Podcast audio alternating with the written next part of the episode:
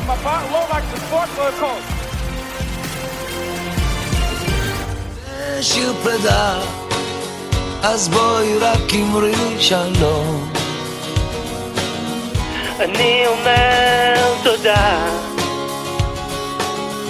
ואת יודעת שחלום סופו להתגשר. אני אומר תודה. אנחנו במפה, פרק 26, לא, זו לא טעות, פרק לקראת סוף השבוע, פרק ספיישל על העונה האירופית של הפועל חולון. אני ני כמובן, מהדף טיימאוט, וכאן איתי כרגיל חברי הפאנל, והפעם גם הבאנו חיזוק מיוחד. אמרנו כדורסל, ישראליות, שעה, אוטוסטרדה, אבל על הפועל חולון, על סיכום העונה האירופית שלה, צריך להקליט פרק מיוחד. וכמו כל שבוע, כאן איתי יועד, יועד, מה שלומך? ערב טוב. ערב מצוין, איך המרגש? אה, תראה, הפועל חולון אה, מסיימת עונה קצת עם טעם מתוק בפה, אה, אכזבה אחרי הכל, אבל יש המון על מה לדבר, מה, מה לסכם, נקודות אור, נקודות חושך, יאללה. אופק, מה מבחינתך הערב? אני אומנם אוהד מכבי תל אביב, אבל יש לי איזה מקום בלב להפועל חולון, אין לי איבה כלפיהם, לא כלפי הקהל שלהם. האמת אה, שגם לי.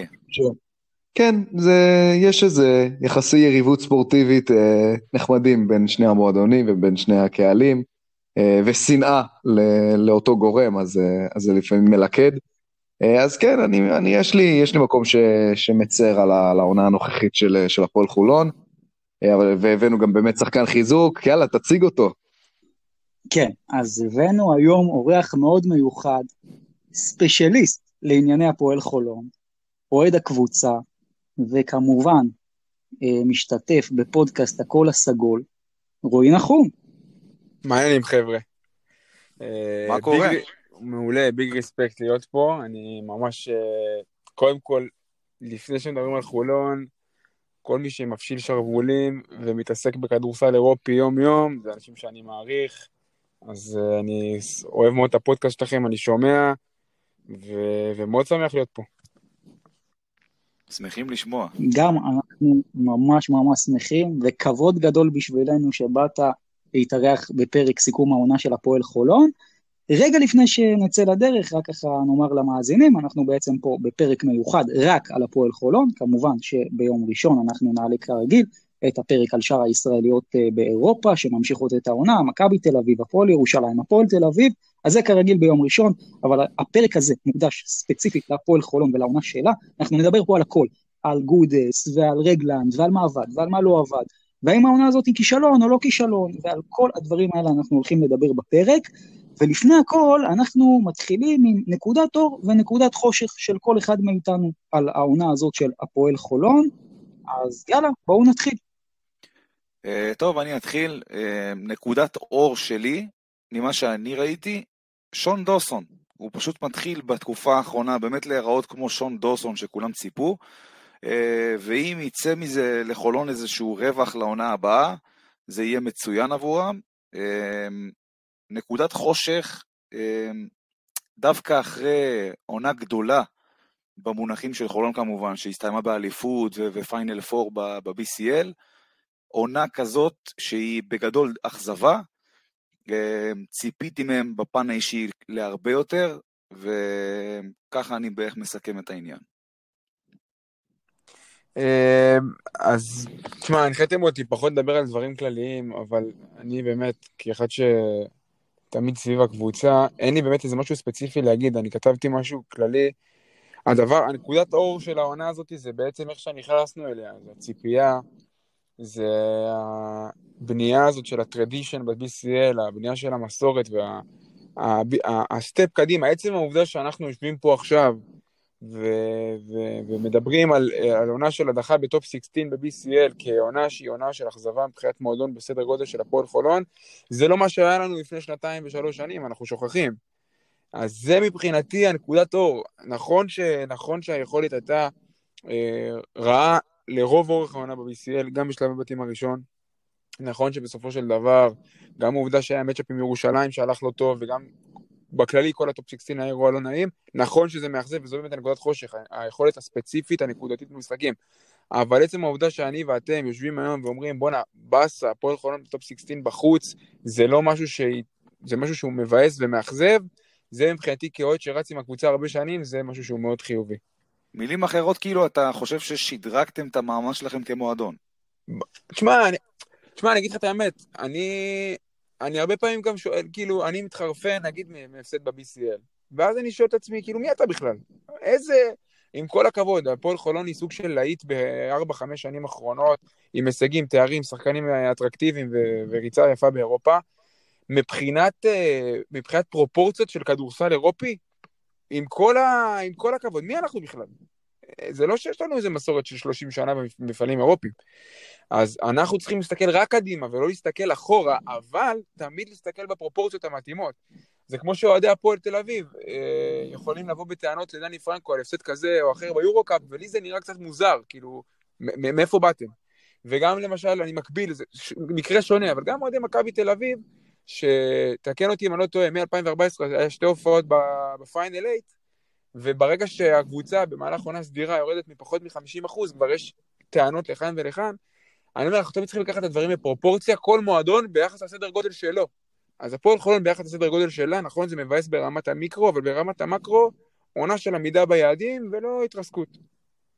יפה. כן, אני, אני מסכים, יחס להכל בחיים, לא אני אמרתי, איזה פרופסור אחד, אה, אלברט איינשטיין אמר, כן, אבל אני, אני, אני מבין, אני חושב שזה מאוד אנושי, כי בסופו של דבר נפתח תיאבון מסוים, רף הציפיות עולה, ואז כש, כשמגיעה אכזבה, אז, אז הבום בבטן הוא, הוא גדול יותר. ברור, ברור. להתייחס, אה, כן להתייחס לנקודות שלי. אני רוצה... רגע, אה... רגע, מה עם נקודת החושך, רועי?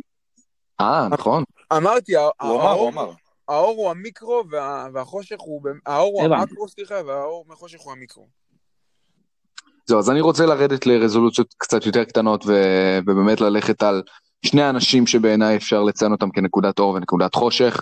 נקודת אור אני אגיד את אה, ניב משגב, שעוד פעם הכל יחסי, אבל הבחור הזה ידע לנצל את ההזדמנות, אנחנו מדברים לאורך כל העונה הנוכחית על המחסור בישראלים בכל הליגה, ובפרט בהפועל חולון. והבחור לקח את זה בשתי ידיים בגיל 27, אחרי שהוא כן שחקן ש, ש, ש, שעבר לא מעט ב, ב, בליגה שלנו, ופתאום הרים את הממוצעים שלו, כמעט מכפיל אותם. המון דקות, הרבה יותר דקות משנה שעברה, האחוזים משלוש מרגיש הרבה יותר בנוח לזרוק וקולע בכמעט 42 אחוז, אז הוא כבר שחקן שיהיה כנראה באופן קבוע יזומן לנבחרת ישראל, ושאפו בפן האישי שלו שבן אדם, שחקן ישראלי שידע לקחת הזדמנות, אני חושב שהוא יכול להפוך לשחקן בית בעתיד הקרוב של הפועל חולון. נקודת חושך, אה, גיא גודס. גיא גודס כנראה חווה את השנה אולי הקשה בחייו, אה, כצופה מהצד אני אומר את זה לא מהיכרות אישית עם גיא, אבל תגידו לו בקיץ שזה התסריט שיהיה לו בחודשים הקרובים, אני חושב שהוא היה תופס את הראש, כלומר ממעמד של אלוף ישראל, מאמן נבחרת ישראל, המון המון ציפיות על הגב, צריך לזכור, גם בהפועל חולון, ההמשכיות מגיעה עם המון המון אה, כוח אש, גם בנבחרת ישראל, הרבה אנשים חשבו שזאת הנבחרת אולי הכי מוכשרת שהייתה לישראל ביורו בסקט, ושני כישלונות מאוד מאוד גדולים, אני חושב שהוא בעיקר כרגע חוזר למעמד שאני באופן אישי גם חושב ש, שהוא מתאים אליו, כלומר, אני לא חושב שבאמת אפשר להגיד אותו באותה נשימה כמו מאמנים ישראלים בקליבר שלו, פחות או יותר גם בגיל שלו, כמו דן שמיר ועודד קטש. גיא גודס לטעמי הוא כן אה, מאמן ליגה לגמרי לגיטימי, אבל, אה, אבל לא הרבה מעבר לכך, ואני חושב שהתוצאות בשנה האחרונה אה, מוכיחות את זה. טוב, נקודת האור שלי היא ג'ו רגלנד. אגב, רועי, זה רגלנד או רגלנד? שמעתי 200 גרסאות לפה לפה, בוא תעשה לי סדר רגע. יש, יש גרסאות שאומרות שזה רגלנד. רגלנד. כן. אוקיי, אנחנו נקרא לו ג'ו רגלנד או רגלנד, אבל כולנו יודעים מהאיש, זאת נקודת האור שלי. אני קראתי על רגלנד המון ביקורות השנה, המון ביקורות שליליות, שאולי הוא לא מספיק שם בשביל הקבוצה, ואולי הוא לוקח יותר, ואולי הוא מכריח.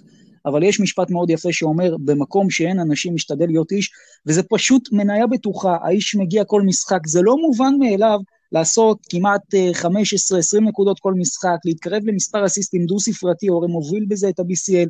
בסוף מדובר פה בשחקן על, ברמת יורוליג ומעלה, והוא בעיניי נקודת האור של הפועל חולון, אגב, גם בעונה שעברה וגם בעונה הזאת, ונקודת החושך שלי היא קריסת המאני טיים של הפועל חולון, במיוחד בסיבוב הראשון של שלב הבתים השני. כי אם אנחנו רגע מבודדים את הכל ומסתכלים נטו על מהלך המשחקים, הפועל חולון הגיע לצרפת, משחק ראשון מול סטרסבורג, היה בכיס שלה, הפסידה אותו בגלל קריסת מאני טיים, אותו דבר מול הפועל ירושלים בבית, אותו דבר מול דיז'ון בחוץ, היא הייתה יכולה להיות ב-3-0 חיובי, בקלות, על חוט השערה, בדיוק כמו שהייתה ב-0-3 שלילי, אם זה היה קורה, כנראה העונה שלה הייתה נראית אחרת לגמרי, ואולי היום היינו מדברים עליה כעל מעפילה לרבע הגמר, ולכן מבחינתי חולון לא בהכרח הפסידה את העונה הזאת בכדורסל, היא הפסידה אותה בראש, והראש מנצח משחקים, אנחנו מדברים על זה פה כל העונה, אז זאת uh, נקודת החושך שלי, ומפה באמת uh, בואו נעבור להמשך. אז בואו נתחיל קצת לסכם יותר בפן באמת של המקרו את העונה של uh, הפועל חולון, ורועי, אני רוצה קצת uh, לשמוע ממך, מה, מה אתה אומר על העונה הזאת שלכם? אז כן, כמו שאמרתי, השורה התחתונה מבחינתי זה התוצאה סבירה, הדרך גרועה. אבל אני רוצה בדיוק להתייחס למה שאמרת מקודם, לגבי הראש. יש שתי גישות לעניין הזה, חבר'ה. יש את הגישה הראשונה, שהיא הגישה הרומנטית, שאומרת, הם, הם, יש בעיה מנטלית בקבוצה, ומגיעים, לס... זה המאפיין של העונה הזאת, המאפיין של העונה הזאת זה סופי משחקים, ואני מזכיר לכם, גם הוא סטנד בחוץ, שאנשים לא, שוכ... לא זוכרים את זה, זוכרים תמיד את הטופ 16, גם הוא סטנד בחוץ, זה משחק שהפסדנו בקריסה ב money time, בהערכה. אגב, רציתם לנצח שם? בטח. כי אז הייתם מגיעים לכאורה לבית המוות. היה... או שזה לא היה שיקול. אני, היינו חלוקים, אבל בסופו של דבר אני באופן אישי תמיד חושב שצריך לנצח, ואם היינו נמנעים מהפלן באיגוקיה בינואר, לא היה קורה כלום, והיינו מגיעים לבית אחר, גם בלי העומס המנטלי הזה של בית עם אה, קבוצה ישראלית נוספת, אני חושב שכן היה לזה יתרונות, אבל עזוב. יש את הגישה שאומרת מנטלית, ויש את הגישה שאומרת, זה משהו שאנחנו לא, אני ואתה לא יכולים למדוד. לא יכול למדוד עכשיו את הקטע המנטלי, אין לי כלים. מה שכן, יש לי כלים להגיד לך, זה שמתחילת העונה, וזה מאופיין ב-BCL, גוטס מקצר, בכלל, הרוטציה של הפועל חולון קצרה, הרוסטר קצר, אין מספיק עומק בהשוואה לשנה שעברה, ולכן אתה רואה באופן כרוני, בכמה וכמה נקודות במהלך העונה הזאת ב-BCL, חנק במאני טיים. חנק. עכשיו, עוד פעם, זה, החנק הוא נתון. איך שאני ואתה מפרשים אותו זה שונה, שאנשים יגידו יש בעיה מנטלית. למרות שאני חושב שיותר קשה לי להגיד בעיות מנטליות לקבוצות שיש בה שחקנים קשוחים, כמו קריס, כמו ניב, כמו ג'ו, מאשר להגיד, שמעו, יש פה שחקן כמו ג'ו רגלנד וקריס, שני שחקנים שלא יורדים מ-32-34 דקות למשחק מ-day one בכל המסגרות שהם משחקים בהם, מרווין שנשחק לאורך כל העונה, וגם הסוגיה הזאת של שלושה גארדים זרים לעומת של שנה שעברה, לעומת שני גארדים זרים של השנה, לא היה מספיק כלים אובייקטיביים. האם הסגל שפתח את הטופ 16 הוא סגל ששווה רבע גמר? התשובה האובייקטיבית היא לא. וזה, וזה, בעצם, אם אתה מדבר איתי על מקרו, אז המקרו הוא סיפור של עומק ושל ניהול רוטציה, וש, ושם נפלנו. אני רוצה רגע לשאול אותך משהו. נגיד, אדם סמית נשאר בקבוצה. בסדר, הוא איתכם לאורך כל העונה. עד כמה זה היה עושה את ההבדל לדעתך? אדם היה, ממה שאני מכיר בקיץ, התכנון, התוכנית הראשונית הייתה להשאיר את אדם. אם נמרוד לוי היה חותם בהפועל חולון, אדם סמית היה בהפועל חולון, כגארד שלישי. שמע, אדם סמית הוא היה יכול להיות second unit מטורף. נכון, אני, אני, התפיסה שלי, אני עוד מהקיץ, אני, אני בקיץ רציתי את קיירי תומאס, אבל זה משהו שכנראה גם לא יסתדר בכסף, אני, כאילו, מי אני? אבל כאוהדים, זה השם שעלה. אבל הגישה שלי היה, הייתה ונשארה, שהכלי שהביא שנה שעברה את הפועל חולון לריצה הגדולה ב-BCL זה שלושה גרדים זרים בקו אחורי. זה משהו שהיה שנה שעברה, ומשהו שלא היה בשנים שלפניה, וזה מה שמאפיין שנה שעברה, היו שלושה גרדים קילרים, אגרסיביים, שתוקפים את הטבעת, שלא מפחדים להרים זריקות, כל אחד משלים את השני עם תכונות. רגלנד אם זה ניהול משחק, אדם סמית עם כליאה, מגיעים יותר, גם עם כליאה, אבל עם פיזיות גם, שיכול גם להתמודד בהגנה. והשנה באופן מודע הלכו לתצורה של שני גארדים, סי.ג'יי נפצע, הביאו את ארי גרין, אין חולק על הרמה שלו, אבל עוד פעם, כמותית. לפעמים כמות עדיפה על איכות, וזו אמירה שהיא קצת חריגה, אבל לפעמים זה נכון. אני לא חושב שיש להפועל ירושלים גארד ברמה של ג'ו רגלנד, עם כל הכבוד לכל הגארדים שלהם, יש גארדים נפלאים ברמת BCL. אין. מה שנתן, מה שנתן להפועל ירושלים את הדומיננטיות בבית הזה זה העומק. יש לך גם את ברנדון בראון שמגיע, וגם את ספידי שמגיע כל משחק. ורנדולף וקרינגטון, יש לך שלושה וחצי, ארבעה גארדים בקו אחורי, זה כבר מדבר אחרת. ופה רצנו בחלק הראשון של העונה עם שני גארדים, בחלק השני של העונה גר... ירדנו לשני גארדים, וסי.ג'יי היה מאוד פסיבי, וזאת התשובה. מבחינה מקצועית, אם נדבר איתי כדורסל, ההחלטה ללכת לשני גארדים ולא לשלושה, זה הסיפור של העונה כרגע. באירופה, כן? כי בליגה זה... תראה, אני, אני חייב להתייחס פה למשהו שאמרת. אני בערך כמעט כל פרק טוחן פה את זה פעם אחר פעם. אתה לא יכול לקחת את הרכז המוביל שלך, זה שאמור להוציא לפועל את כל ההתקפה של הקבוצה, לטחון אותו כל משחק 33, 35, לפעמים 40 דקות, ולצפות שהוא יגיע לך למאני טיים של משחק בשיאו, או לפברואר-מרץ בשיאו, והנה, מאוקטובר בערך, ג'ו רגלן טוחן דקות, באמת, אני הסתכלתי עליו, ריחמתי עליו, ובסוף אני חושב שזה יתנקם בהפועל חולון בסוף, כי... כן, זה, זה גם לא רק, יועד, אבל זה גם לא רק רגלן עצמו, כי הוא בעצמו מחזיק. נכון, נכון, נכון. הוא, מה שזכור לכולם זה הזריקה השערורייתית בשטרסבורג, שהוא לקח בסוף של הערכה שלשה מכדרור, באמת שלשה של עייפות, שפגע בקרש. זה היה הסימן קריאה למצוקה הפיזית. אבל, אני אומר, מעבר לקטע הפיזי של העייפות, יש גם מה שנקרא עייפות מקצועית, סל, סל כלים מאוד מצומצם שאתה מציע בהתקפה. בשנה שעברה, היה לך כלים הרבה יותר מגוונים בהתקפה. זה ברור.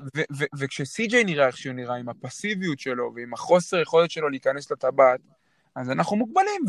והאם הקו האחורי של הפועל חולון הוא קו אחורי שהוא בין שניים, בין שני הקווים האחוריים הכי טובים בבית הזה? אובייקטיבית התשובה היא לא. אם אני חייזר מהחלל שנוחת מחר בבוקר, אני אומר שלא. אבל זה נטו בגלל העומק, כביכול. אני, אני, אני חושב שכן, אני חושב שזה קודם כל, בקו אחורי, נכון, צריך את השחקן, מספיק שיש לך הדר אחד איכותי, ואתה יודע, שחקן אפילו ברמת דיוויד אפיאני הפועל באר שבע, אני לא מגזים. לא ברמת השם, אבל ברמת הפרופיל, אפילו שחקן בלי ניסיון אירופי. אפילו עוד שחקן, עכשיו תסתכל, מתי הפועל חולון השיגה את הניצחון הראשון של העונה? כשהיא, בטופ 16 אני מתכוון, שזה היה היום, כשאנחנו ראינו בריצה ברבע השלישי דקות משמעותיות של מני אריס בשלוש, סי.ג'י אריס בשתיים וג'ו באחד. והם שיחקו עם ניב בלול, שהוא לא באמת גבוה לרמת ליגת העל, אבל ברגע שיש לך מישהו בחמש, אתה נותן שלושה גרדים להרביץ מכות, אין מה לעשות, זה לא, זה לא משהו שכרגע, זה משהו שנותן לך יתרונות במיקרו ומנצח לך משחקים. תראה, הסולידט גארדים... אבל זה מוכח גם היסטורית. אם אתם מסתכלים לא רק על הפועל חולון. גם הפועל ירושלים 2017, בדיוק. גם, בהחלט. גם 2020 אגב, עם אה, בראון פלדין והיה שם לוקט סלש הולנד, אבל בסוף גם הפועל תל אביב של השנה, יש עומק, יש ריבוי גארדים זרים, בהחלט, אני מאוד מתחבר לנקודה הזאת. אני כן אבל רוצה לשאול אתכם, ונגעת בזה מצוין רועי, האם העונה הזאת אני מדבר איתכם עכשיו נטו מקצועי, עזבו אותי תחושות, האם העונה הזאת היא כישלון, או שאולי, ואני רק אזכיר על מה אנחנו דיברנו פה, כי אנחנו דיברנו בפריוויו של הבית הראשון, שחולון שווה מקום שני, ואכן זה מה שהיא עשתה, ודיברנו בפריוויו של הבית השני, שחולון כנראה לא שווה הפלה, אה, אופק, אה, אם אני לא טועה, לא, יועד, אם אני לא טועה, אתה אמרת שחולון תעלה, ואני ואופק אמרנו שלא, אבל הייתה פה די כאילו תחושה שחולון בוודאי לא תסיים מקום ראשון, אז אני שואל, האם באמת חולון נכשלה מקצועית ברמה כל כך קשה, כמו שלפעמים נראה בשבועות האחרונים שמצטייר, או שאולי חולון עשתה את מה שהייתה צפויה לעשות. מה אתם אומרים? תראו, אני חושב שזה באמת uh, העניין של הציפייה. כלומר, אני, אני, אני מנסה להיזכר בזכייה הקודמת של הפועל חולון, ב-2008. בקיץ, באותו קיץ הם ירדו מכל הנכסים שלהם. היה ברור, אני מניח שבאווירה של הקבוצה, ואולי גם אה, רועי יחזק אותי ברמת האוהדים, שזה היה איזה, איזה חד, זה היה חד פעמי. זה היה ברור, גם, ה, גם הליגה קצת הייתה אחרת, אבל כן היה ברור שזה חד פעמי. בקיץ האחרון, לא רק שזכו באליפות בזכות, לא בחסד, לא בפיינל פור, בסדרת סדרות, לא סדרת, סדרות, פלייאוף, מתישות, משאירים את גיא גודס את המאמן, משאירים את, ה, את הגיבורים של אותה עונה, באים עם הרבה רוח במפרשים, נכון, לא היה קיץ שהוא הכי קל, היה את סאגת אה, נמרוד לוי, אה, ג'ייק כהן אני מניח שערבו לו ורצו, ו- וכבר ראו שהסגל הישראלי מאוד מאוד דל, אבל באים עם המון המון רוח במפרשים, עשו פיינל פור גם שנה שעברה ב- בליגת האלופות, באים עם מעמד אחר, ו- וכמו שאמרתי, מקבלים פתאום בום, בום לבטן, ופתאום הוא, הוא מאוד מאוד כואב. אה, או לא? אז כן, אז, אז, אז אמרתי לך, מה שרלוונטי זה הדרך, כי אני, אני מסתכל על זה, תשמע, יש מבחן, אני אוהד, אני לא אובייקטיבי. יש מבחנים מאוד מאוד מדויקים של איך אנחנו מגדירים עונה, אתה יודע, ברמה הכי בסיסית, עונה מוצלחת. עונה מוצלחת זו עונה שאני מסיים אותה ברמת BCL, כן, מסיימים עונה. עונה מוצלחת זו עונה שאני יושב בקיץ ופותח highlights של משחקים זכורים שנהניתי בהם בעונה. שנה, ש... אני השנה, בקיץ הזה שמשעמם ואין כדורסל, פתחתי highlights ים של לודוויגסבורג בחוץ ובבית, הסדרה נגד שטרסבורג, דיז'ון מה שהיה לנו, גם ב- ב- הסדרה נגד בשיקטש בפליין, שגודס בדיוק הגיע, היה לי המון מומנטס לקחת. איזה כיף זה, אה? אז כן, זה, זה בדיוק הפנן, ואני היום השנה מסכם BCL, מסכם קמפיין, ואני שואל את עצמי, באיזה רגע בקמפיין הזה, ב-BCL, היה לי ג'וי, היה לי הנאה מקצועית, יצאתי ממשחק ואמרתי, בואנה, אני פותח את ה highlight שלו, לשבת ולראות. אז מתחילים, ב...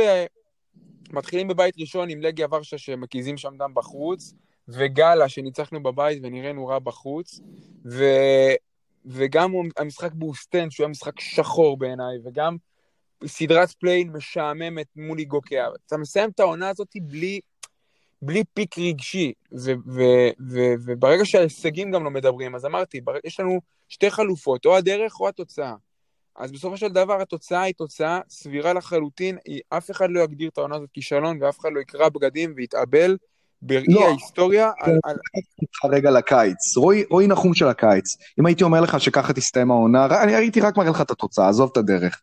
איך היית מגדיר את את אם היית התוצאה? אומר לי רק את התוצאה, הדחה בטופ 16, הדחה בטופ 16, אה, ובוא נגיד שבליגה מקום רביעי, ומאוד לא... לא, לא עזוב, עזוב, עזוב ליגה, עזוב ליגה, אנחנו מדברים BCL. אם, אם אתה מדבר איתי, אם אתה מדבר איתי בקיץ, אתה אומר לי שאנחנו בטופ 16, סבבה. אם היית אומר לי הדחה בשלב בתים, הייתי אומר לך ועדת חקירה. אם היית אומר לי הדחה בטופ 16, בסדר, כאילו, אוקיי. אני, אני די עם רועי פה, כאילו, אני חושב שזה יותר אכזבה מאשר כישלון. בדיוק נכון. בגלל הסיבה שהוא הסביר.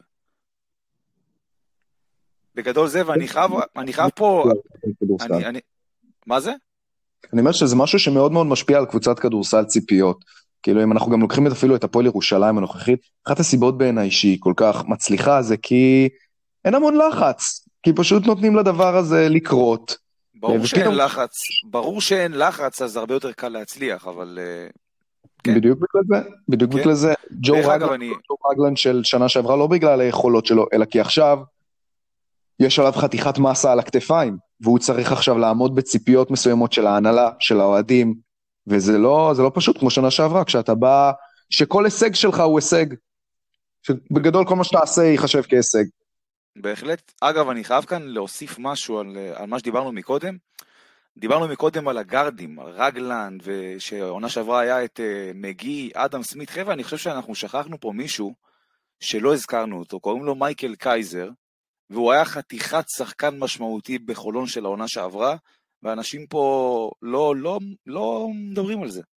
אני, אני, אני יכול להבין אותך, למרות שאני, אני, אני, עוד פעם, גם פה אני עושה הפרדה, מבחינתי מרווין ג'ונס מקצועית עדיף עליו, אה, יש לו סט כלים יותר מגוון, אבל, ברמת הכישרון כן, אבל אבל מה, ש, מה שקאי הביא לקבוצה ההיא, זה משהו שגם מאפיין את העונה הזאת ש, של הפועל חולון ב-BCL, וזה גם הפחות passion, פחות character, אין, לא היה את הדברים האלה. שנה שעברה קאי היה שם, והוא היה מאפיין של קבוצה שהיא באמת קבוצה, זה, הדוגמה הכי טובה לזה זה הריב שלו עם גודס בפיינל פור, כאילו. כן, אני זוכר את זה. זה, זה בדיוק הדוגמה, וראינו את זה גם בסרט של חולון בבילבאו, אבל זה, קייזר לעומת מרווין ג'ונס, זה בדיוק אחלה הקבלה לעונה הזאת. שחקן שהוא פחות טוב, אבל פייטר, ו, ושחקן שהוא, שהוא מאוד רגיש ו, ו, ואגר, ו, ואגרסיבי על הפרקט, לעומת מרווין, שהוא סוג של מלוטש כזה, finesse, אדיש מאוד, נכון. ו- וזה, וזה באמת משהו שהוא, שהוא, זה קצת איזונים. השנה אנחנו יותר מלוטשים אולי ויותר מפונפנים, אבל פחות, פחות אסליים, ובשנה שעברה היינו, באנו ממקום יותר נמוך, ואין מה לעשות, זה ככה. ותמיד העונה הזאת תישפט כעונה שאחרי, וזאת הבעיה הכי גדולה שלה, כי אם זאת עונה, אם שנה שעברה אנחנו לא זוכים באליפות, אז העונה הזאת נשפטת בעיניים הרבה יותר סלחניות. תראה, אני רוצה גם להתחבר לנקודה הבאה שאנחנו הולכים לדבר עליה, בנוגע לשאלה האם זה כישלון או לא. אני מסתכל על שתי העונות האחרונות של הפועל חולון, ואם אני צריך לבחור איזו עונה הפתיעה אותי, אז זאת העונה שעברה, לא העונה הזאת. כי בעיניי הפועל חולון בעונה שעברה באמת עשתה עונה פנומנלית, הגיעה לחצי גמר גביע, לקחה אליפות, הגיעה לפיינל 4 BCL, אני לא חושב שהיה אחד שנה שעברה שחלם על זה בחולון, וכמו שאופק אמר, יכול להיות שזה באמת ייצר קצת ציפיות. אבל מקצועית העונה כן צריך לומר לדעתי, שהפועל חולון, נכון, אמנם כמו שגם אמרנו פה לא מעט פעמים, הייתה צפויה להיות מודחת בשלב הזה, לא ככה, לא ככה, מקצועית, כן ציפיתי שחולון תשיג עוד איזה ניצחון אחד לפחות ב top sixteen עכשיו, אולי ת, תעשה עוד משהו, לא ככה, אז לדעתי כן מדובר פה גם בכישלון, אבל כישלון קל, וכמובן על כל המקהלה הזאת, מי שמנצח זה גיא גודס, ומאוד מעניין אותי, רועי, איך אתה רואה את גיא גודס? כי אני שומע עכשיו רחשים אה, להעיף, לא להעיף, כן להמשיך, מאמן ששנה שעברה היה באמת אליל בעיני אוהדי חולון. רגע, אני רק רוצה לחזק את השאלה לפני שרועי יענה. לא רק איך גיא גודס נתפס עכשיו, אני גם אשמח לשאול אותך איך בעיני אוהדי הפועל חולון, מה הנרטיב של גיא גודס, אתה יודע, גם אחרי קיץ קשה עם הנבחרת, כלומר, איך תפסתם אותו בתחילת העונה והיום? אה, אז לגבי גיא, אני, אני באופן אישי מאוד סלחן לגביו. אני, אני חושב שיש לו משהו, אני פחות, אה, פחות, פחות אה, נותן לו אחריות לכל מה שקרה. אני חושב שהבעיות בשנה הזאת היו פחות נוגעות אליו. הוא מאמן, אין מה לעשות, הוא לא מאמן שהוא פנטזיונר, והוא לא מאמן ש... הזדמנות טובה גם להגיד שהוא מגיע אלינו להכל סגול ביום שישי. אה, אז, אז uh, הוא לא מאמן שהוא פנטזיונר, הוא לא מאמן עם סיסטם מאוד מוגדר, הוא מאמן שהתלות שלו בחומר השחקנים שלו היא תלות גדולה, אין, אין מה לעשות. והאם אני יכול עכשיו לבוא ולהגיד שחומר השחקנים שעמד לרשות גיא גודס עד עכשיו בעונה שווה יותר מהתוצאות כרגע? אולי עוד ניצחון אחד ב-BCL. אנחנו שווים 14-7 בליגה ו-4-2 בטופ 16. זה, זה, זה השווי של הסגל הזה. מסכים מאוד. שם נמדד מאמן, למה זיקיץ' כל כך, כל כך נחשב וכל כך גדול? כי הוא כרגע מוציא value מה, מהסגל שלו, שהרי... הרי בסופו, הרי בסופו של דבר, מה, מה אנחנו עושים? אנחנו מסתכלים, אנחנו מסתכלים על ניירות בקיץ, ועל בוקסקורים בקיץ, ועל סרטונים ביוטיוב בקיץ, ואז אנחנו בונים על זה תזות שלמות, ואז אנחנו רואים במהלך העונה איך הן מתנפצות או לא מתנפצות. אז על הנייר, הקבוצה של ג'יק, ג'יקיץ' שווה X, הוא הצליח להוציא ממנה X בריבוע, יופי. גודס, הקבוצה שלו שווה X, הוא מוציא ממנה X. אז הביקורת שלי לגודס היא מאוד ספציפית, היא חוסר היכולת שלו לנסות אולי להוציא אקסטרה ממישהו. לא רואים שחקן שעשה התקדמות. לא רואים איזה מישהו שבעונה הזאתי אה, עושה איזה תהליך שהוא משנה מקום בקבוצה, פורץ את ה... רואים למשל את שחר אמיר, לא מצליח לפרוץ את התקרה של הרוטציה. שם הביקורת שלי, אבל האם ברמת המקרו הוא, הוא יש לו אחריות והוא נכשל? ממש לא. מעניין. אני, אני לא יודע, אם אני רואה שחקן כמו מרווין ג'ונס, שלא לא, לא סתם קבוצות יורוליג לוטשות אליו עיניים, שלא מוציאים ממנו את הvalue באמת, כמו שדיברת עליו. עכשיו יכול להיות, זה, אני לא אומר שזה בהכרח כל האצבעות אה, צריכות להיות מופנות כלפי גיא גודס, זה לפעמים משהו מערכתי, זה ביטחון, זה לפעמים גם האטמוספירה שמשפיעה על יכולת של שחקן. אבל אתה באמת לא חושב שהיה אפשר להוציא מהסגל הזה יותר? עם שון דוסון, עם רגלן שבא במעמד אחר, ומרווין ג'ונס, וקריס, אז, ו... אז שון, אז שון, שון דווקא זה דוגמה שסותרת את מה שאמרתי, אני חש, חשוב להגיד, כי הוא כן שחקן שעשה תהליך במהלך העונה, והיה לגודס מאוד קשה להכניס אותו באוקטובר, נובמבר, אנשים שוכחים, כי באמת שון נתן, החל מינואר אנחנו רואים את שון באמת בגרף עלייה חד, אבל החודשים של אוקטובר ונובמבר ודצמבר מבחינת דוסון היו באמת אסון. זה לא, זה, לא, זה לא שחקן שלא תורם, זה שחקן שבדקות שלו הוא עושה נזק משמעותי. זה לא היה סתם uh, שוטטות על הפרקט. Uh, אבל פתאום אנחנו ראינו, אולי זה קשור גם לפציעה של פרדי, אולי זה קשור גם ל... ל, ל, ל עוד, עוד דברים שאני לא יודע, אבל שון ב, ב, בעלייה, לוקח יותר זריקות, נכנס לטבעת, אז זה משהו חיובי. Um, ו, וגודס, עוד פעם, גודס הוא, הוא, הוא מאמן שכשאתה מביא אותו למערכת שלך, אתה צריך להבין שהוא לא מתאים למערכות שמחפשות את ה- את ה-added value. הוא מאמן שיכול לקחת, אה, בדיוק מה. הסיטואציה שהייתה שנה שעברה בדיוק מתאימה לו, לקחת חומר גלם שהוא מבולגן, לסדר אותו, לכוון אותו ולראות אותו למטרה. זה מה שגודס עושה בצורה הכי טובה שיש, והסיטואציה שנה שעברה באה לו בול. השנה הוא היה צריך לעשות משהו אחר, הוא היה צריך לקחת, לבנות את החומר גלם בעצמו, להרכיב את הפאזל ולקחת תוך כדי העונה ולהפוך את הפאזל ליותר טוב, כמו ש... עוד פעם, אני מצטער שאני משווה כל פעם, אבל זיקיץ' התחיל את העונה מזעזע באוקטובר, ולאט לאט שדרג, שדרג, שדרג, שדרג, והוא נמצא במקום מסוים. זה התהליך שגיא גודיס היה צריך לעשות, וזה דברים שהוא פחות מצטיין בהם, קריירה, קריירה ווייז. אז בגלל זה אני אומר, אני לא אצפה עכשיו uh, מתפוח להיות uh, תפוז. אין מה לעשות. יפה. טוב, בואו רגע נסתכל קצת קדימה. אז תמיד אירופה משפיעה על הליגה והליגה משפיעה על אירופה, זה אנחנו יודעים כמעט אצל כל קבוצה ישראלית. והשאלה זה, שלי... זה עדיין ספקולציה, זה לא מוכח. זה ספקולציה, אבל אני, אני זוכר לפחות uh, כמה מקרים מאוד בולטים, שהדחה מאירופה ממש הקריסה קבוצה בליגה, או יותר נכון יצרה לה משבר, וגם הפוך, אתה יודע, גם מכבי של 2014 למשל, אם אתה זוכר, לא, לא הייתה כזאת קבוצת ליגה מצטיינת עד שדברים לא התחילו להתחבר באירופה, והפועל ירושלים של 2017, ברגע שהיא עפה מאירופה, היא נראתה גם פתאום קטסטרופה בליגה עוד יותר מהעונה החלשה שהיא הייתה, אבל לא, לא ניכנס לזה עכשיו. מה שאני אומר, זה מאוד מעניין אותי, או מעניינת אותי הזווית שלכם לגבי הפועל חולון של המשך העונה. המקום ב-BCL, אם אני לא טועה, לא מובטח, אבל היא די תהיה שם, אלא אם כן באמת יקרה פה משהו יוצא דופן. השאלה אבל, האם גם כשאני מסתכל ממש קדימה, קודם כל חולון תחווה עוד ירידת מתח לדעתכם, ואני גם אקח אתכם כבר צעד קדימה, מה צריכה להיות אה, חולון בעונה הבאה? קבוצת יורו-קאפ, קבוצת BCL, עם גיא גודס, בלי גיא גודס? מה אתם אומרים? אני, אני חושב קודם כל שלא תהיה השפעה יוצאת דופן, אה, ולדעתי, ממה שנשאר העונה, אני חושב שסיום בחצי הגמר מבחינתה של הפועל חולון יהיה סבבה. אה, מעבר לזה זה כבר אה, הרבה מעבר למה ש, שמצופה, לפחות בעיניי. ובעונה הבאה, BCL, מה, מה השאלה פה בכלל? מה, מה להפועל חולון וליורו-קאפ?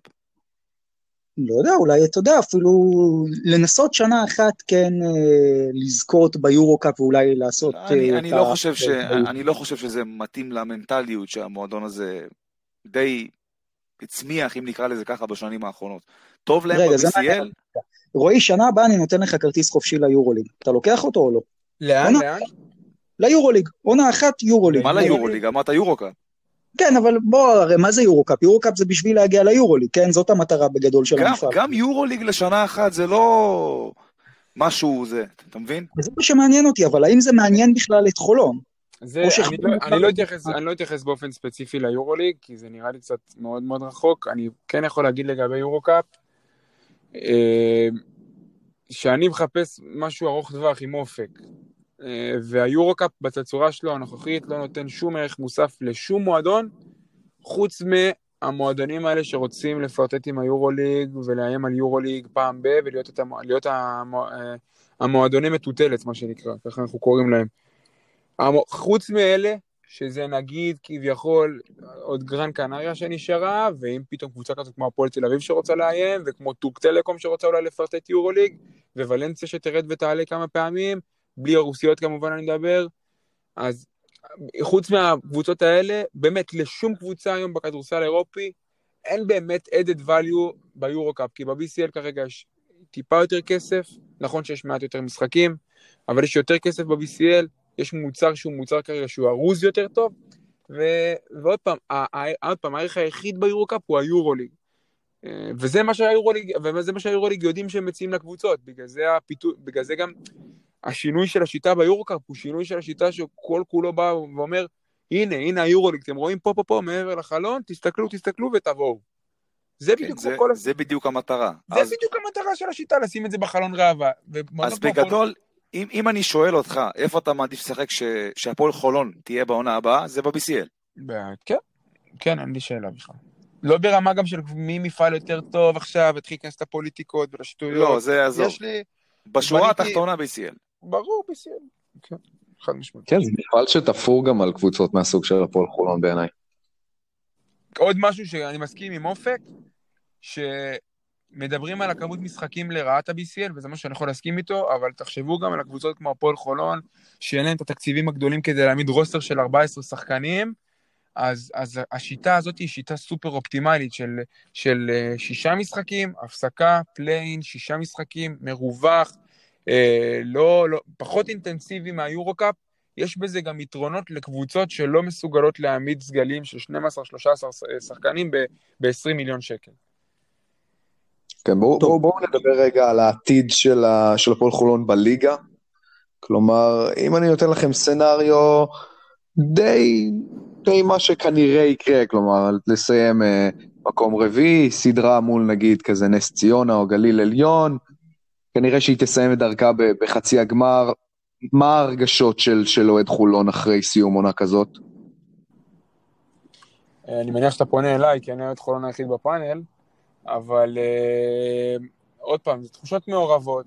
אני חושב שכרגע הסיטואציה מבחינת הפועל חולון היא סיטואציה יחסית אופטימלית. אנחנו באים עם, uh, עם ציפיות, כאילו, כאילו תחושה כזאת של יצא כל האוויר מהמפרשים, וכאילו אנחנו מבואסים והכל, אבל אנחנו נהיה הקבוצה הזאת שאף, שאף קבוצה לא תרצה לקבל בסדרת חצי גמר אם נגיע לסדרה הזאת. אף קבוצה לא תרצה לבוא לשני משחקי חוץ אצלנו עם מיכל מלא, ואני מאמין שמה שנכון לעשות מבחינה מקצועית זה לרשום שלושה גארדים עד סוף העונה, ללכת עם אחד הגבוהים וקריס ג'ונסון ו- ו- ו- ולרוץ ועל סמולבול רצחני ו- ומשוגע. וזהו, ואני מניח שיהיה כיף, ירד, ירד מאיתנו העומס, אנחנו נשלים עם מה שקרה ב-BCL. ו... ונזרום על העונה. בואו אותי... רק לקראת סיום, נדבר קצת על תוכניות, אני כבר אדבר איתכם על העונה הבאה, למרות ששוב, הליגה עוד ארוכה, אבל בנקודת הזמן הזאת, מי לדעתכם צריך להישאר ומי לעזוב? אני חושב שזה עוד מוקדם לדבר על זה, אבל uh, uh, אם, אם אני צריך להצביע לך ספציפית על uh, נגיד שני זרים, כמובן. לא, יש שאלת שור... מפתח על גודס ושאלת מפתח על רגלן, בגדול. אה, לדעתי שניהם. שניהם נשארים, אתה אומר. כן. זה מה שצריך. לא, רגלן, גם אם יש עליו ביקורת מסוימת על העונה הזאת והיא לא הייתה עונה מושלמת עבורו, הפועל חולון לא תשיג אה, גל מרכז ברמה הזאת. את התיק אתה לא באמת יכול להפיל עליו. אה, זה מעבר גם לשאלה של תיק, כאילו, גם אתם צריכים להבין, אובייקטיבית, יש כרגע בהפועל חולון ארבעה, ארבעה שחקנים שיש להם חוזה לעונה הבאה, שזה ג'ו רגלן, סי.ג'י אריס, קריס ג'ונסון וניב משגב, יש להם חוזה. אז כרגע המצב הנתון זה שזה הארבעה שנשארים. לשון דוסון יש אופציה, אופציה לשנה הבאה, אה, ו, ו, ומבחינת החוזים עם האופציות, זה, אני מניח שגודס אין לו אופציה, יש לו גם אופציה לשנה הבאה לגודס, תחושה שלי הוא לא ימשיך. אה, מה שאני חושב שיהיה זה שינסו להגיע לאיזשהו הסדר עם סי.ג'יי, ו... וג'ו, הנקודות מוצא היא שהם נשארים, ניב כנ"ל כמובן, יהיה מהלך להשאיר את שון דוסון ולעטוף ב... במספר זרים בעמדות המתאימות. תגיד, רועי, רפי מנקום שוחרר ממכבי, לוקח בחזרה? תלוי, תלוי. אם אני מצליח לשים יד גם על... תלוי איזה... אני, אני צריך פה... צריך שני פורורדים ישראלים, זה אין שאלה. ברור. Uh, בהנחה שפרדי בורדיון לא ממשיך, אז... אז ההחלטה הראשונה לפני שמדברים על רפי זה אם משאירים את שון. משאירים את שון, צריך להביא פורוורד שמשלים איתו. לדעתי הפורוורד שיותר מתאים ליד שון דוסון זה ארצי מאשר רפי, אבל uh, כקונספט רפי לחולון ברור שאני בעד. כן. לפני שמסיימים, עוד אה, נקודה למישהו על חולו. יש לי עוד נקודה, אותי מעניין אה, לראות האם מני אריס זה באמת השחקן שיכול לעשות את ההבדל בליגה.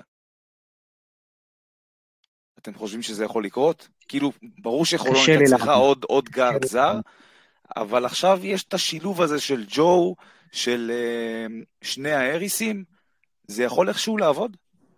לדעתי מי שיכול לעשות לחולון את ההבדל בליגה זה, זה שון, לדעתי. כי זה שחקן שאם הוא חד, אתה מרוויח גם ישראלי, גם שחקן שהוא ברמה הכי גבוהה שיש בליגה הזאת. הליגה הזאת תפורה אגב על שון. אז אה, אם כבר חולון רוצה לשאוב עידוד, לדעתי זה מהעונה של דוסון שהולכת ונהיה טובה יותר. אני גם רוצה לסיים עם נקודה, אנחנו כבר 40 דקות פה מדברים על מקצועי והכל. הקהל של הפועל חולון, בעיניי, זאת פשוט נקודת אור בשנים האחרונות. איך שמאולם קטן, מ-1,000, 1,500 איש, אגב רועי, גם שמעתי את הפודקאסט שלכם בפרק על הקהל, שאירחתם שם שני אנשים שבאמת מספרים איך הפועל חולון הלכה ובנתה את עצמה, וזה פשוט פנטסטי, והלוואי שיהיו עוד קבוצות כאלה. אנחנו רואים את זה גם רנסאנס מסוים בהפועל תל אביב, אבל באמת צריך לפרגן לדעתי לקהל של חולון, שפשוט הולך ומתעצם, וכמו שרועי אמר, אף קבוצה לא רוצה לבוא לחולון לשחק בפלייאוף, זה אולם ביתי מטורף, קבוצה מאוד מאוד מרשימה גם מבחינת הקהל, ופה אני באמת רוצה גם לנצל את ההזדמנות ולפרגן לקהל של חולון, שאגב, גם כשהעונה פחות הלך, לא, לא כל כך הצביע ברגליים ועדיין הגיע ותמך, וזה לדעתי יפה מאוד. היידה, תודה רבה. בכיף. אז uh, זהו, זה היה הפרק שלנו על הפועל חולון, על סיכום העונה המפורט שלה. קודם כל, רוי, אני רוצה להודות לך, אנחנו פה החכמנו והיה לנו סופר מעניין, uh, ככה, איך שאומרים, תבוא יותר. תודה רבה, חבר'ה. תבוא הרבה יותר. תודה, תודה, באהבה. כן, וזהו, פה אנחנו מסיימים את הפרק ה-26 שלנו, יום ראשון אנחנו חוזרים לשגרה מתכונת רגילה, הישראליות באירופה, הפועל ירושלים שעולה לרבע הגמר, אנחנו נתחיל לדבר שם גם על היריבה שכבר עד אז נדע מי תהיה, גם על הסיטואציה של הביתיות, ערב פסח, וגם בכלל מקצועית, מה קורה עם הפועל ירושלים, האם היא באמת יכולה לעשות את זה, כי התחושה היא שהעונה יש ממש הזדמנות. מכבי תל אביב, יכול להיות שכבר תהיה בפוזיציה הרבה יותר טובה לקראת הטופ 16, או שאולי אנחנו שוב נתחיל לתהות האם זה הולך לקרות, לא הטופ 16, הטופ 8 כמובן, והפועל תל אביב, לקראת מחזור הסיום שם, יש שם עניין מעניין, האם הפועל תל אביב צריכה להתחיל אולי לעשות חישובים, למה כולנו זוכרים את בורס הספורט, לא יודע אם הפועל תל אביב מתה לקבל אותה, אבל אנחנו נדבר על כל זה בפרק הבא, ועד כאן הפרק שלנו, ועד כאן העונה של הפועל חולון, ושיהיה לכולם סוף שבוע נעים, נתראה ביום ראשון, להתראות חברים. ביי ביי חברים, חמישי שמח לכולם.